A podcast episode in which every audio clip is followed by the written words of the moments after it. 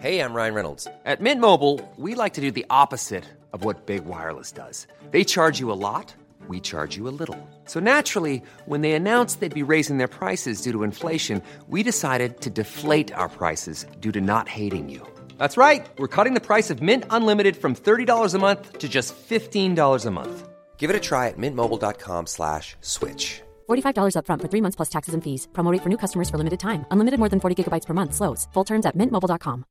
Hi, I'm Daniel, founder of Pretty Litter. Cats and cat owners deserve better than any old-fashioned litter. That's why I teamed up with scientists and veterinarians to create Pretty Litter. Its innovative crystal formula has superior odor control and weighs up to 80% less than clay litter. Pretty Litter even monitors health by changing colors to help detect early signs of potential illness. It's the world's smartest kitty litter. Go to prettylitter.com and use code ACAST for 20% off your first order and a free cat toy. Terms and conditions apply. See site for details. I'm Sandra, and I'm just the professional your small business was looking for. But you didn't hire me because you didn't use LinkedIn jobs. LinkedIn has professionals you can't find anywhere else, including those who aren't actively looking for a new job but might be open to the perfect role, like me. In a given month, over 70% of LinkedIn users don't visit other leading job sites. So if you're not looking on LinkedIn, you'll miss out on great candidates like Sandra. Start hiring professionals like a professional. Post your free job on linkedin.com/people today.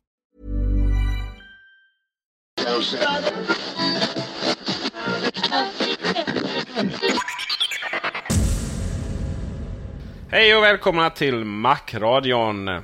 Och eh, Peter S heter jag och med mig har jag Gabriel Malmqvist. Och idag så kommer vi följa med den allmänna debatten och prata fildelning och Ipred-lagar som aldrig förr.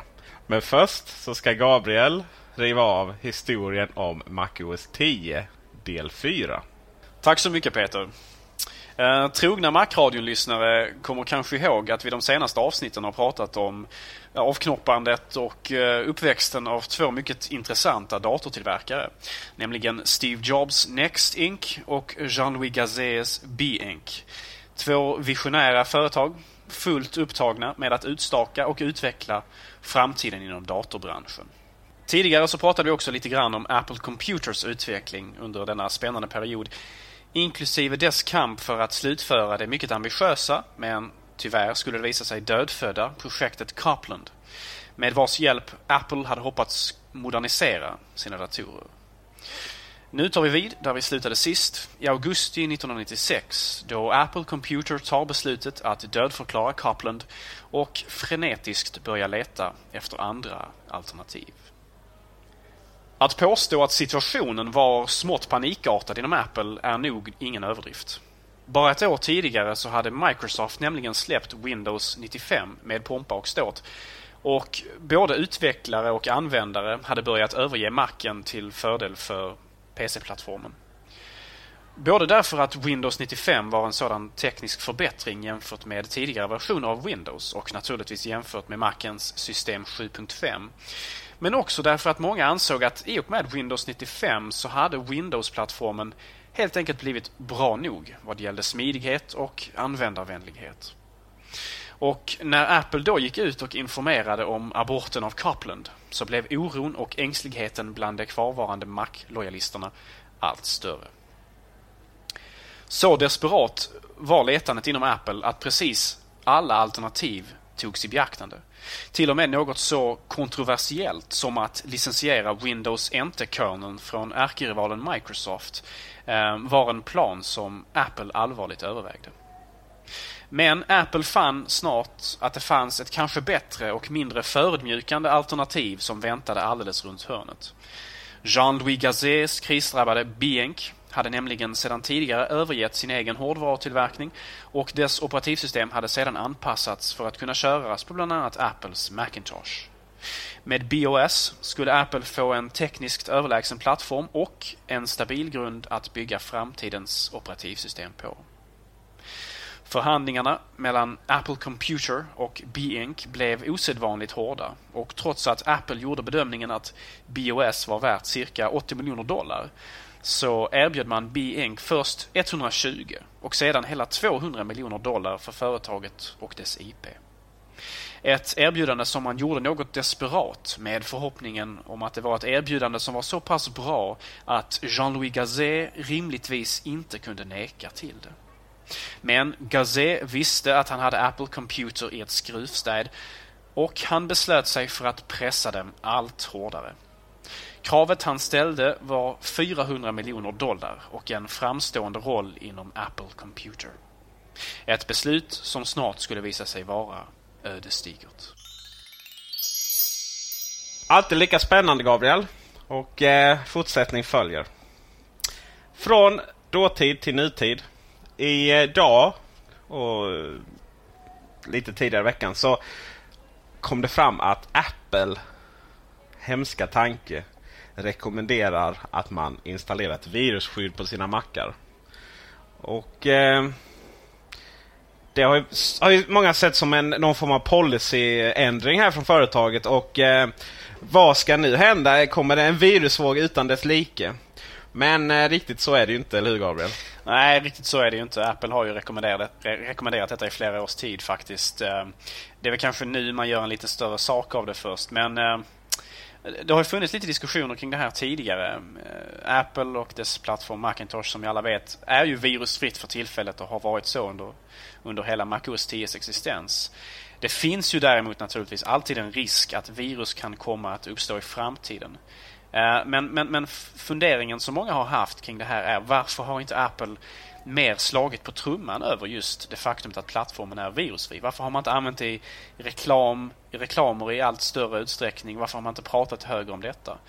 Uh, men i och med GDMac-reklamerna då som introducerades för ja, ett, ett, två år sedan eller något sånt där så började faktiskt Apple prata just om det här med virus och ja, snarare avsaknaden av virus på den egna plattformen kontra Windows då. Eh, och gjorde en större grej av det hela. Men man kan ju liksom också säga så här att Apple kan ju vara lite tveksamma till att prata om det allt för mycket därför att om man gör en stor grej av det här att man inte har virus, om man gör en, en, stor sak av det så finns det ju alltid risken att det provocerar eller sporrar människor med de här förmågorna att faktiskt försöka framställa det första fungerande viruset till Apples Macintosh-plattform. Och eh, framförallt på PC-sidan i den här gigantiska kampen och eh, på efterfesterna, förfesterna och möjligtvis under tiden när Mac-nörden och PC-nörden drabbar ihop. Då eh, tar ju våra kära PC-vänner en ganska enkel förklaring till varför det inte finns några virus på Mac. Och det är ju den låga andelen. Nu är den ju inte så låg längre och, eh, och det har väl varit lite mer grundläggande än så varför det inte finns några virus. Har du, har du ett bra svar där? Jag har egentligen inget jättebra svar men eh, argumentationen som du pratar om här har egentligen varit något i stil med att eh, Apple har, som du säger, ingen liten användarbas och således så är det inte intressant att skapa virus för plattformen. Men samtidigt å andra sidan, jag menar om det finns en direkt korrelation mellan storleken på plattformen och antal virus så borde det ju rimligtvis vara så att Apple borde ha en ett, ett, virusantal som på något sätt korrelerar med dess plattformsstorlek. Det är inte så att eh, Macintosh är så försvinnande liten av eh, hemanvändare och datoranvändare i världen. Jag menar det är ändå vet, det finns inga säkra siffror men i USA så ligger siffrorna uppåt eh, vad är det, 5 Peter, rätta mig om jag har fel. Något i den stilen. Det är rätt så mycket i varje fall. Sett över världen så är det säkert 2-3% av användarna som använder Macintosh. Och då borde finnas en korrelation då mellan exempelvis då plattformsstorlek och virus. Om, om, om låt säga att Macintosh är 2 eller 3 procent av världsmarknaden, då borde det finnas 2 eller 3 procent av virusen till plattformen också, tycker man. Tycker man. Om inte man talar om att det finns kritiska nummer som, eller siffror som måste uppnås innan det blir relevant och sådär. Men om det finns en korrelation så tycker man att det borde finnas några virus åtminstone. Om inget annat därför att det finns väldigt många människor som sitter på Macintosh-datorer hemma och vet om att det inte finns virus och har inga virusprogram installerade. Jag är en av dem själv. Jag menar, kan man bara exploatera marken på något sätt så att man kan framställa ett virus där? Om detta vore så pass enkelt eh, då hade ju någon gjort det vid det här laget för att det finns ju jättemånga, miljontals oskyddade datorer. Jag menar oskyddade inom stationstecken, men datorer som inte har virusprogram installerade. Som man faktiskt kan komma åt genom att bara lyckas med detta konststycke att på något sätt angripa markplattformen. Och ingen har lyckats hittills. Det måste finnas människor som har försökt. Det har det ju. Det har till och med funnits tävlingar om det. Det där var ju något kontroversiellt också. Det var inte Apple som gick ut och utlyste tävlingen. Jag kommer inte ihåg vilket företag det var. Det var något företag som sa att man fick x antal eh, tusen dollar om man lyckades eh, om man lyckades skapa ett virus som faktiskt fungerade på Macintosh vill jag minnas. Eh, och det var ju inte så populärt eh, från Apples sida om inget annat att, att folk går ut med sådana här tävlingar så att säga. Nej. Och eh, jag minns så här en liten anekdot. Det är ju därför vi, eh, vi är här, för att höra våra egna röster. Um, och eh, jag, jag minns jag... Jag är här för att höra din röst. Jaha, är det så? Ja. Förr i tiden när jag var PC-användare. Då var jag en av de få som hade en brandvägg igång. För jag kände mig... Eh, ja men det var lite så här, precis fått bredband i Växjö och sådär. Äkta fiber dessutom. Det var tidigt och snabbt på den tiden. Och eh, man kände sig inte helt säker liksom att ha en fiber, eller förlåt fiberanslutning rakt in i datorn var det ju inte. Men man, eh, ja det var liksom inte som man hade ett fast IP och, och liknande. Så jag satte faktiskt igång brandvägen. Jag blev ju lite så här halvmobbad från mina kompisar som kunde det där. Liksom. Vem, vem vill åt min dator? Har jag som så viktigt där? Ja, det var väl inte så viktigt. Men eh, lagom till jag bytte till Max så drog ju det där igång något så frenetiskt. Och jag minns ju till och med att ett tag bara man kopplade upp datorn mot internet. Eh, innan man ens hade hunnit i Windows då. Där, problemet med Windows XP när det kom, eh, innan alla servicepack fixade det. Det var ju att alla portar var öppna, alla tjänster var igång. Och brandväggen var avstängd. Så innan man hade installerat programmet, alltså innan man installerat operativsystemet kommit så långt så att man kunde aktivera brandväggen. Så fick man alltså automatiskt virus. Nu stängde ju nästan alla, eller alla operatörer av den här porten till slut. Eh, så att det kunde inte sprida sig där. Men det var ju det som var det grundläggande problemet med Windows. Att det togs fram i en tid då eh, de här problemen inte uppstod. Och, och MacOS 10 eh, togs fram i en tid där man verkligen hade de här problemen. Och därmed var alla tjänster och portar stängda. Ja, eh, jag kommer inte ihåg exakta siffror där men eh, det gjordes en undersökning tror jag, i USA på det där. Och det, eh, medeltiden det tog för en, en, en oskyddad PC att få virus från det att man stoppade in sladden typ i väggen. Absurt liten tid det tog innan första viruset faktiskt slog till på datorn. Så att, innan de här förändringarna som du pratade om hade gjorts. Så det var, det var inte mycket tid alls på sig att slå på brandväggen som du säger. Nu har man ju lärt sig det från eh, eh Microsofts håll. Men då har det kommit nya problem. Men för en gångs skull så ska vi inte gå in på dessa. Utan eh, vi ska faktiskt eh, fortsätta prata om Apple. Och eh, vi tog upp det här med att man inte gjort reklamfilm om eh, att eh, plattformen var virusfri. Och, eh, eller gjort reklam. Men det har man inte heller gjort för sitt miljöarbete fram tills nu. Nya Macbooken, tv-reklam och som vi här i Sverige kan se på Youtube. Där tar man faktiskt upp det faktum att eh, datorn är eh, något mindre miljöfarlig. Handlar det om såklart. Att det är alltid miljöfarligt att tillverka en produkt eh, idag. Och eh, det är kul att man satsar på det. Apple har pratat väldigt mycket om miljö. Man har fasat ut ämnen. Eh, man har bytt från plast till eh, aluminium och, eh, och så vidare. Men eh, man har ändå fått... man, har inte, man har inte på något sätt ökat sin eh, placering på Greenpeace. Det är de som ligger bakom de här. Man eh, kvalificerar alla stora tillverkare. Eh, Nintendo är sämst i världen och Nokia bäst tror jag.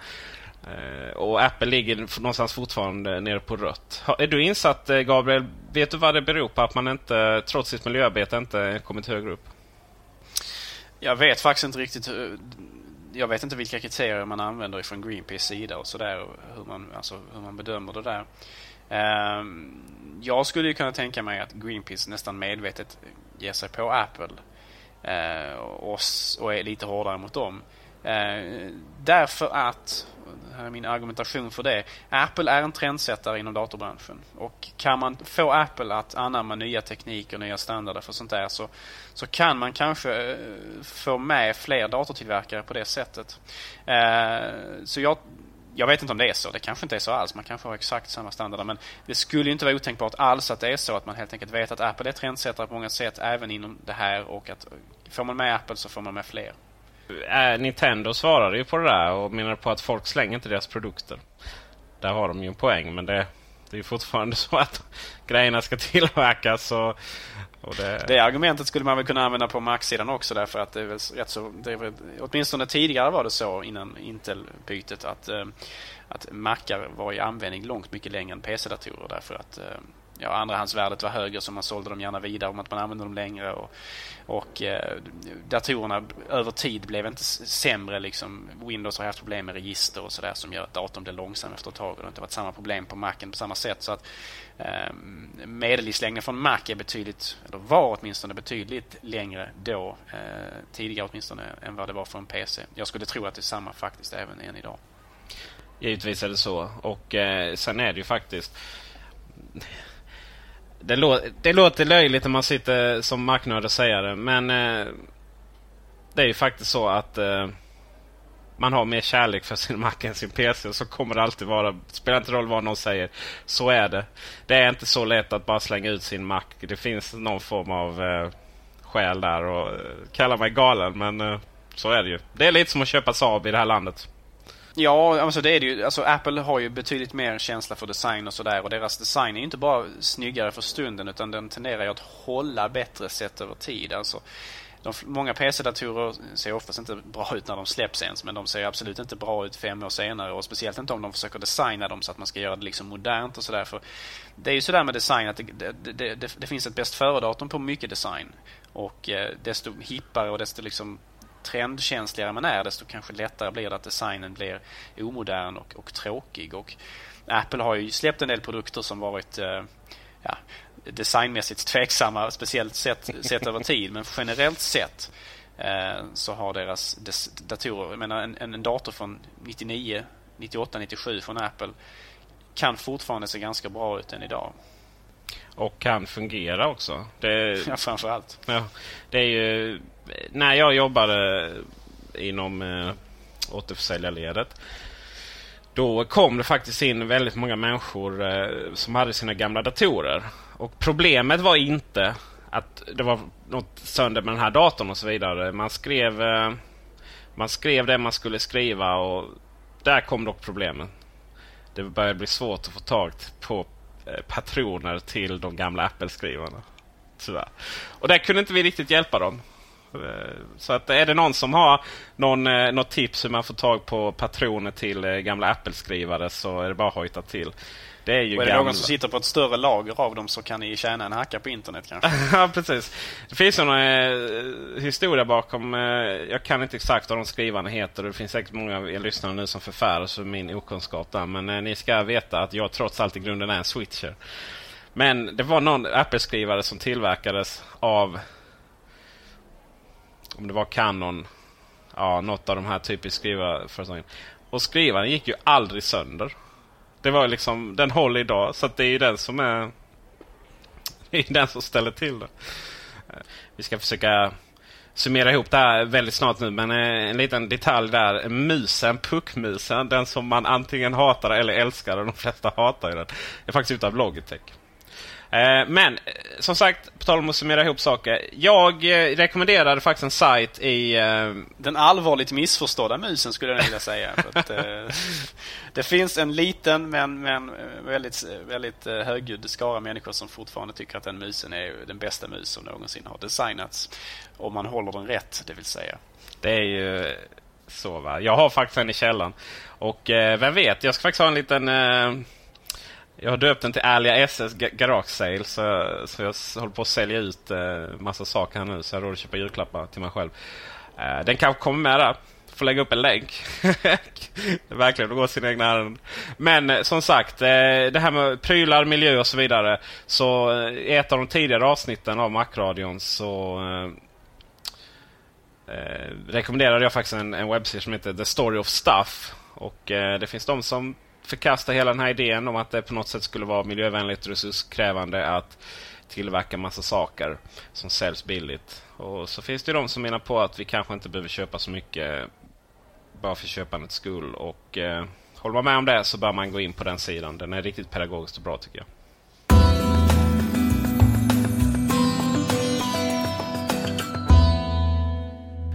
Om den politiska diskussionen i det här landet var en aktiekurs så skulle vi nog nå toppnoteringen om fildelning antingen denna veckan eller nästa. Och vi gör vårt för att tillföra den här diskussionen eh, de vettiga åsikterna i alla fall. Det var ju så, Macradion, din subjektiva sanning. Och eh, vi nämnde i predlagen sna väldigt eh, snabbt i förbifarten i förra avsnittet eller om det var avsnittet därpå. Och det är en sån lag som man, eh, ja, man är emot den. Ungefär lika självklart som man röstar på Barack Obama i USA-valet om man hade fått rösta och så vidare. Så, eh, så vi eh, tog vårt eh, journalistiska ansvar och grävde oss ner i den här lagen. Eh, min eh, utgångspunkt var väl att ingenting kan vara så här puckat som det har framställt. Och eh, vad har vi kommit fram till? Jo, det är precis där den är. Det är alltså...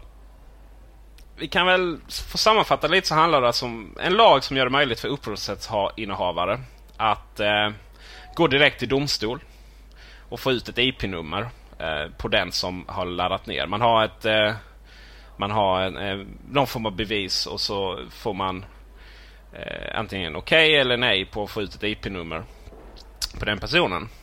Och eh, ja, vad gör man med den sen? Vi kan ju kolla på eh, hur man har gjort i Danmark, eh, USA, Storbritannien. Man gör helt enkelt så att man eh, skickar ut ett brev till de här människorna. Eh, där man får reda på att ja, vi vet att du har fildelat. Det är olagligt. Vi kommer att eh, stämma dig för den här summan. Men eh, om du betalar halva så slipper du undan.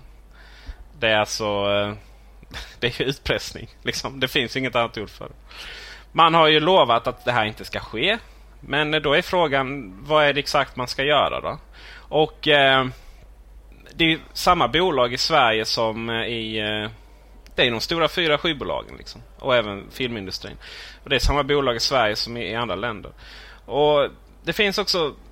Med den här lagen så finns det vissa tekniska problem. Vissa tekniska dilemman som gör att den kan vara svårt att upprätthålla. Det är ju så till exempel flera människor kan ju dela på ett IP-nummer. Och eh, fram till i alla fall eh, nu eller förhoppningsvis fram till aldrig så eh, är det faktiskt personer man dömer i en rättsstat, inte ett IP-nummer. Och eh, vad händer om man öppnar sitt trådlösa nätverk? Kan man skylla på det? Ja, ser man på Danmark där man eh, stämde arslet ut ett gäng människor fram till någon människa eh, sa att nej, jag hade ett öppet trådlöst nätverk. Ja, då helt plötsligt så sa alla det och hej då. Likadant skärmdumpar, vanliga statiska skärmdumpar som eh, man i, i Photoshop kan, kan göra om jättelätt. Eh, godtog man det som bevis? Nej, det gjorde man inte. Och det är skönt det. För jag säger inte att eh, den globala konspiratoriska skivindustrin sitter och redigerar dumpar i Photoshop. Men vad jag säger är att det måste finnas en viss rättssäkerhet. Eh, man kan liksom inte stifta lagar som utgår från att människor eh, inte... Man måste stifta lagar som är rättssäkra. Det, så enkelt är det. Och framförallt så måste man kunna stifta lagar som är möjliga att upprätthålla. Och om det är så enkelt att säga att man har ett öppet trådlöst nätverk och därmed undgå, då är ju... Hi, I'm Daniel, founder of Pretty Litter. Cats and cat owners deserve better than any old-fashioned litter. That's why I teamed up with scientists and veterinarians to create Pretty Litter. Its innovative crystal formula has superior odor control and weighs up to 80% less than clay litter. Pretty Litter even monitors health by changing colors to help detect early signs of potential illness. It's the world's smartest kitty litter. Go to prettylitter.com and use code ACAST for 20% off your first order and a free cat toy. Terms and conditions apply. See site for details. I'm Sandra, and I'm just the professional your small business was looking for. But you didn't hire me because you didn't use LinkedIn jobs. LinkedIn has professionals you can't find anywhere else, including those who aren't actively looking for a new job but might be open to the perfect role, like me. In a given month, over 70% of LinkedIn users don't visit other leading job sites. So if you're not looking on LinkedIn, you'll miss out on great candidates like Sandra. Start hiring professionals like a professional. Post your free job on linkedin.com/people today. Lagen är inte särskilt lätt att upprätthålla. Så... Eh, Problemet med det där är ju också det att vi kan ju inte veta om det där argumentet håller i Sverige förrän lagen är stiftad och man försöker upprätthålla den så att säga. Så att det, det blir svårt att veta om den faktiskt håller eller inte förrän efter lagen är, har trätt i kraft och det är ju det som folk försöker hindra den från att göra överhuvudtaget. Just så. Så att vi står alltså inför en lag som är tekniskt undermålig. Den är etiskt undermålig på det sättet att eh, aldrig tidigare har privata organisationer kunnat eh, gå direkt liksom, till en domstol på det här sättet. Eh, och framför allt, så att säga, kärnan i problematiken. Det löser inte det som det är tänkt att stoppa. Inget av de länderna som vi känner till och framförallt så är det, är det Finland som man har tagit upp som exempel. Där man först menar på att eh, eh fildelningen, den olagliga fildelningen minskade. Och det gjorde den en stund. Sen ökade den igen. Eh, så lagen, den är tekniskt undermålig. Den är etiskt undermålig. Och den gör inte att piratkopieringen minskar. Det är helt jag, horribelt. Jag, jag, jag, tror eh, att de här musikbolagen och filmbolagen och så vidare att de, de kanske precis som vi här nu inser att man, man kommer få väldigt svårt att fälla människor med den lagen som den är skriven idag.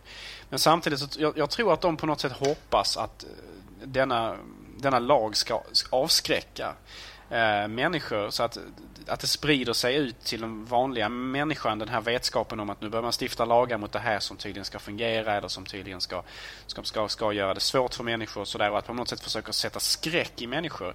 Eh, snarare än att liksom straffa de som faktiskt har gjort Att man försöker liksom förhindra framtida brott. Och framförallt, jag menar, jag tror inte att de eh, tror att de kan lyckas mot dig och mig, Peter, eller människor som kanske är tekniskt kunniga, som, som kanske exempelvis vet att öppna sitt, eh, sin, eh, sin router för andra och så vidare. Så man kan skylla på det. Men man hoppas väl kanske då kunna avskräcka den vanliga människan som kanske inte är så tekniskt eh, begåvade som vi är. Så att för att förhindra dem. För det är ju där, det är kanske det de kanske framförallt ser som det stora problemet. Den stora massan liksom. Ehm, så att jag tror att det är mer en, en lag syftar till att... Alla lagar syftar naturligtvis till att avskräcka. Men jag tror att den här lagen ännu mer syftar till att avskräcka snarare än att bestraffa. Så är det givetvis. Men då, då är, kommunicerar man ju faktiskt helt emotsatt. Man eh, pratar om att det finns eh, det, det, finns de myt som man har satt igång att det, är två, att det finns 2000 hardcore Eh, piratkopierare som man eh, vill nå ut. Det var ju det som etablerades i den debattartikeln med massa föredettingar plus Persbrandt som ju faktiskt inte är någon föredetting utan bara förvirrad rätt eh, Där man pratar om att det finns 2000 hardcore-fildelare. De här man vill åt. Man vill inte åt vanliga människor.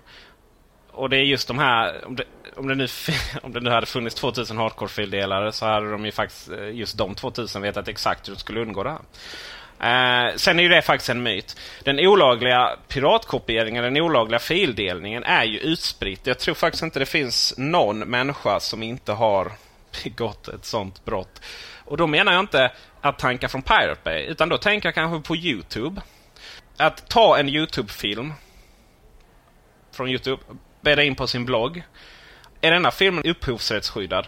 Ja, då begår man ett brott. brott. Då, då begår man alltså en olaglig fildelning. Vilket var ganska roligt, för precis det Niklas Strömstedt hade gjort på sin blogg. Han hade lagt in massa YouTube-filmer som där det var tvivelaktigt. Eh, man visste inte, alltså upphovsrätten var inte hans eller den som la upp den på YouTube eller YouTubes.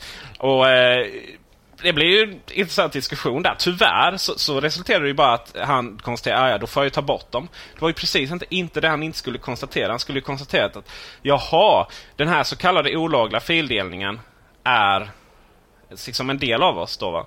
Och eh, det är en sak att, att sitta och, och eh, tanka hem, givetvis tanka hem massa filmer på Pirate Bay och dela en YouTube-film. Men rent lagstiftningsmässigt så är det ju inte det. Jag kan säga så här om, om den här lagen. Jag kan förstå jag kan förstå skivbolag och musikbolag och så vidare som är frustrerade över att den här olagliga fildelningen eh, inte har så hög prioritet hos exempelvis polisväsendet. Eh, som de naturligtvis önskar att den hade. Det finns säkert inte tillräckligt mycket resurser och poliser och utredare som arbetar med det här och som försöker då tillmötesgå dem i deras krav på att deras material inte ska spridas olagligt så att säga. Jag kan förstå det. Men jag, jag, jag, kan inte eh, acceptera att man försöker med en lag på något sätt ge de här privata intressena makt att eh, föra utredningar eh, Eh, på privatpersoner. Att ge dem befogenheter som annars varit förbehållna polisen och rättsväsendet. Det är eh, en oacceptabel eh, utveckling som måste stoppas. Jag, som sagt, jag förstår varför de gör det. Jag menar, av alla brott som finns så är det klart att polisen prioriterar mord och överfall och så vidare mer än man prioriterar piratkopiering. Det är klart att det inte läggs mycket resurser på det. Men de här företagen kan inte ges rätten att, att, att eh, ge sig på människor hur som helst. Exakt. Och det finns en ytterligare en del av det här. Eh, det är lite, ja vi hade FRA som eh, slutade med någon form av kompromiss. Vi har nu detta. Det finns en massa förslag som går igenom som var för sig inte kanske hela världen. Nu skulle de flesta inte hålla med mig och säga att FRA inte var hela världen. Men det kan vara värre om man säger så. Och tillsammans så finns det... Eh, tillsammans... Man vet ju liksom inte de här små grejerna. Vad gör de tillsammans om tio år? Och framförallt, vad gör de i en... Eh, kan man använda de här, eh, de här lagarna på helt andra saker? man säger att jag har inget att dölja. Ja, men vad händer när liksom en allmän och fri åsikt om att demokrati är bra är något att dölja? Nu blir det väldigt djupt här, men man vet ju alldeles... Politiska skiftningar går väldigt snabbt. Det går oerhört snabbt. Och Vi har ingen aning om vilka som styr det här landet om tio år eller fem år för den delen. Är man rädd för det, och det bör man vara, då ska man i alla fall eh, tillbringa en hel del tid och bilda sin egen uppfattning. Ja, så det där är precis samma argument som, som gäller övervakningssamhället i allmänt. Vad gäller filmkameror på offentliga platser och så vidare. I, i, I, England och London så har de filmkameror överallt som, som följer människor som ska hitta terrorister och brottslingar och så vidare. Och precis som du säger, vad, är, vad som är lagligt idag kanske inte, eh, eller vad som är olagligt idag kanske var, kan vara rimliga saker som mord och överfall och så vidare. Men om 10 år, om 15 år, om 100 år, vad är olagligt då? Är det bara obekväma åsikter eller att samlas i grupp och prata och så vidare, är det olagligt då? Då används ju naturligtvis de här maktmedlen, de här kontrollmekanismerna av kanske en, en statsmakt som kanske inte ens är folkligt vald längre. Så när man har byggt ut de här systemen så finns det ju alltid ett hot att de missbrukas av någon annan som man inte hade tänkt skulle göra det i framtiden. Just det. Och för att knyta ihop eh, politik, filosofi och fildelning igen så eh, är man väldigt mycket intresserad av det här så, så tipsar jag faktiskt om att Folkpartiet har eh, i, på torsdag 4 december mellan eh, halv två och 16.00 en eh, debatt om, eh, om just fildelning i andra kammarsalen i riksdagen. Och då finns det lite intressanta människor som eh, är med i den här panelen. Alexander Bard vilket är rätt intressant. Som jag har förstått det så är han alltså profildelning. Medan hans eh, kompis i, eh, vad heter bandet? BVO skrev på den här debattartikeln mot. Eh, vi har Kristoffer Sundberg, Avalanche Studios. Eva Dahlgren. Erik Josefsson, internetaktivist. Johanna Nylander, känd bloggare. Och Jon Karlung, VD för Bahnhof. Eh, och en i Stockholm då, så gå dit och se vad de tycker vi vet ju vad vi tycker. Gammal hederlig pajkastning att se fram emot alltså. ja, precis. Vi vet ju vad vi tycker. Vi, vi tillbringade förra avsnittet med att diskutera en ansenlig mängd eh, åsikter om hur skivindustrin och filmindustrin skulle kunna överleva. Och eh, vår, vår, eh, vårt recept för detta eller jag ska säga att artister och upphovsmän överlever. Skivindustrin och skivbolagen är nog förpassade till likkistan eh, oavsett. Men vi, vårt recept är ju att eh, man eh, börjar komma med tjänster där man helt enkelt eh, kan fildela fast man kan göra det lagligt. Spotify för musik är ett exempel. Eh, och där är ju iTunes har ju funnits med väldigt länge. Men, men de har sina brister. Och filmindustrin däremot, de har ju verkligen inte kommit så långt. Det finns lite lagliga alternativ. Men eh, de funkar bara på Windows. Och eh, dessutom är kvaliteten låg. Och det är krångligt. Själv försökte jag sätta igång SF Anytime på min Mac Mini en gång i tiden när jag installerat Windows på den. Omöjligt. Hur, hur många portar jag än öppnade, hur många datorer jag än satte i eh, DMC som det heter, att trafiken ska gå rakt in. Så fick jag ingen kontakt. Krångligt som fan. Men det finns en tjänst som fungerar på, i Sverige. Och det fungerar på Mac. Det fungerar på Windows och det fungerar på vissa Linux eh, eh installationer.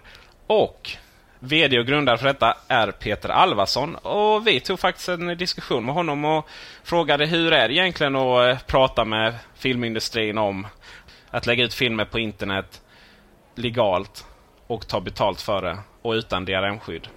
Och det har visat sig inte vara alltför lätt. Ja, Headweb är ju en eh, laglig filmnedladdningstjänst som eh, bygger på både nedladdning och streaming. Och vi är lite intressant eh, tjänst för att vi använder oss av laglig fildelning. En modifierad version av BitTorrent som gör att våra användare tar del av eller hjälper till med nedladdningarna och även uppladdning då. Och eh, för det eh, får man betalt. Man får alltså poäng i vårt system som man till slut får gratisfilm för. Det är ju fantastiskt. Var kom hela den här idén från? Varför just du och varför just Shedweb? Eh... Ja, alltså jag kommer från filmvärlden själv och eh, upptäckte väl för ganska länge sedan att det inte fanns någon riktigt bra lagalternativ. Eh, Pirate Bay hade vuxit sig ganska stort eh, redan 2005 eller ännu tidigare. Eh, men de lagliga tjänsterna var hopplöst efter och konstaterade ganska snabbt att de kommer, kommer inte fungera särskilt bra. Eh, det, som fanns med kopieringsskydd och bara för Windows maskiner och så vidare. Så att det, det jag tänkte fram här var ju att man måste göra ett, ett lagligt alternativ som är minst lika bra och använder, använda samma teknik. Fildelning är ju väldigt effektiv distributionsteknik eh, och det fungerar väldigt bra. Så vi tänkte att vi använder eh, grunderna i de illegala tjänsterna och eh, gör en laglig tjänst av det. Och eh, vilka plattformar fungerar det på? Idag så fungerar det för Windows, eh, Mac och eh, Linux också. En del olika Linux-distributioner. Ja. Hur har, eh, hur har mottagningen varit från filmindustrin? Det är ju det här, det har ju alltid varit ett dilemma med kopieringsskydd och så vidare. Precis, och vi har ju varit kraftiga motståndare till kopieringsskydden från första början. Det är ju, det är ju en av anledningarna till varför, bara, varför de flesta lagliga tjänster bara funkar just för Windows. Eh, I och med att vi inte har skydden så kan vi distribuera till, ja, till Macar till exempel. Då. Och eh, det här är ju ett stort problem eh, för oss då att vi, eh, vi har inte lyckats få de allra största bolagen med oss än just för att de har inte godkänt att släppa DRM-fritt. Eh, det är självklart så att vi, vi pratar med dem hela tiden och har gjort det i två och ett halvt år. De har ju delvis börjat förändra sig men det går väldigt långsamt. Men vad, jag antar att ni, vad lyfter du fram för argument när du pratar med dem och vad får du för svar? Liksom? Alltså det, det vanligaste argumentet som vi kan lyfta fram det är att alltså DRM fungerar inte. De är knäckta sedan länge och det förhindrar ingen att kopiera filerna. Eh, det enda man gör är att man bestraffar de lagliga användarna, de som faktiskt är ärliga och köper produkterna. De får en, de får en väsentligt sämre produkt än ja, de som laddar ner från till exempel Pirate Bay. Då. Och det här är ju det är inte rocket science utan det är ganska logiskt egentligen. Då. Eh, vi brukar också hänvisa till musikbranschen som, som ju sedan ett tag då, eh, säljer DRM-fritt och uppenbarligen så går det ganska bra och det finns också undersökningar, bland annat säger IMI själva att DRM har ingen påverkan på piratkopieringen. Men eh, det går inte fram alltså? Jo, alltså bolagen förstår ju det här och säger väl eh, lite grann inofficiellt att jo, vi vet att kopieringsskydden, det, det, det är ett gissel, men de måste tyvärr eh, ha, ha de här skydden idag. Ja, man kan ju undra vad. Vi har ju som sagt diskuterat det där rätt hårt här på senare tid. Och det, det är ja. ju ehm, det är så oförståeligt för det är just det som så fall kan ta koll på industrin. Liksom. Ja. Då, då, har man ju, då har man ju väldigt svårt att förstå varför, varför man fortsätter det med, med det. Det är inte precis som att det är någon allmän naturlag. Liksom. Nej, och alltså det var väl så att musikbranschen blev tvingade till slut att eh, släppa utan skydd. De, har, alltså, de drabbas ju av piratkopieringen några år tidigare också. Och man kan ju, man kan ju säga att filmbolagen eh, har vaknat ännu senare än skivindustrin och eh, förmodligen ligger ett par år efter det också i förståelse eh, kring de här sakerna som affärsmodeller och tekniska skydd och så vidare. Så att de, de, om man tittar på den utveckling som jag har sett då, så kan man ju säga att vindarna, vindarna går ju helt klart mot eh, enklare tjänster, fler tjänster. Men fortfarande så tror, bolagen tror fortfarande på DRM, men de kanske inte tror på dagens DRM. Men de, de tittar på, eh, på nya implementationer av DRM och sådär. De är väldigt aktiva med att skapa nya organisationer för att ta fram eh, domänbaserade DRM-skydd så att man ska kunna använda vilka prylar som helst eh, men fortfarande man har en licens som funkar på alla apparater till exempel. Jag förstår. Um... Men det tror ju inte vi på. på tal om apparater. Eh, det är ju så när man laddar hem en film hos er. Då får man helt enkelt en DVD-image. Precis. Och eh, den går ju att kolla direkt på datorn. Den går att bränna ut och sådär. Exakt. Vi vill egentligen ha, erbjuda fler alternativ då. Både DVD, Image, MP4 och Xvid och lite olika format. Men eh, då är ju frågan det här. Folk vill ju oftast titta på sina filmer på tvn. Mm. Och eh, har, ni, har ni några funderingar där hur, hur man lättare liksom får ut materialet i tvn? det är inte ens säkert att alla har DVD-läsare längre då. Nej, precis. Det är, ju ett, eh, det är väl ett av de stora problemen också för när det gäller film just att det är inte särskilt många som har datorn kopplad till tvn. Där har vi för redan från början haft med så att filmen du laddar ner den kan du bränna direkt till en skiva inifrån vårt program då, om man vill det. Eh, men det är inte heller egentligen en optimal lösning att man måste bränna ut det till ett fysiskt medium. Eh, den, den nöten är svår. Det finns ju massa olika alltså extenders och sådär som man kan koppla till tvn men det, jag tror inte att det, det finns nog ingen eh, riktigt bra lösning idag. Alltså det, Apple har ju Apple TV och sådär men den har väl inte heller tagit fart riktigt. Nej, och framförallt så måste man ju konvertera sitt material. Vilket mm. i och för sig går utmärkt om man har köpt eh, en image från er. Men mm. eh, på tal om Apple, ni, du är inte rädd att ni, eh, ni gör liksom grovarbetet och får med filmbolagen på det här och sen så kommer eh, Steve Jobs in med sin eh, vida rustning och så allting. jo, alltså det är klart att Apple kommer, eller iTunes kommer till Sverige också med film. Det är väl ganska troligt. Eh, men jag tror ändå att alltså Apple kommer nog inte få samma dominerande ställning på film som, som man har haft för musik. Eh, det har filmbolagen ändå tagit, tagit åt sig av eh, det som händer i musikbranschen. Man, man, man vill inte ha en sån dominerande spelare utan man vill ändå ha en viss konkurrens då, så att man har många tjänster egentligen. Ja. Innehållet. Eh, ni har inte med de stora filmbolagen, så vad, jag vet, jag har själv köpt lite dokumentärer om Malmö. Har jag haft nöjet okay. Men eh, vad, vad, finns det för, vad, vad säljer bäst och så vidare? Alltså det är rätt lustigt vad som säljer. Vi, vi trodde ju det här att, när man startade att eh, nej, de här dokumentärerna, det, kom, det kommer aldrig sälja någonting. Eller de här jaktfilmerna till exempel, vem, vem vill köpa det? Man tror, ju en, man tror lite grann att det är de här Hollywood-titlarna som säljer eh, bäst. Och det är klart att de säljer väldigt bra, de stora titlarna som är marknadsförda överallt. Men det vi har sett är att i och med att vi har väldigt mycket sådana här nischade eller special interest som det kallas, så är, alltså det går väldigt bra. Det är mycket sådana här jaktfilmer, till exempel dokumentärer. Eh, sen är det mycket skräckfilmer också. Ja, det kanske, det kanske speglar lite grann målgruppen också, eller de här, de här yngre generationerna. De äldre köper jaktfilmer och de yngre köper skräckfilmer då alltså? Ja, det, det kan man nog säga lite grann. Det är inte så att den lokala videobutiken har alla jaktfilmer direkt och sådär va? Så att det är ju det är onekligen en, tycker jag, ett bra bevis på, uh, vad kallas det, the long tail.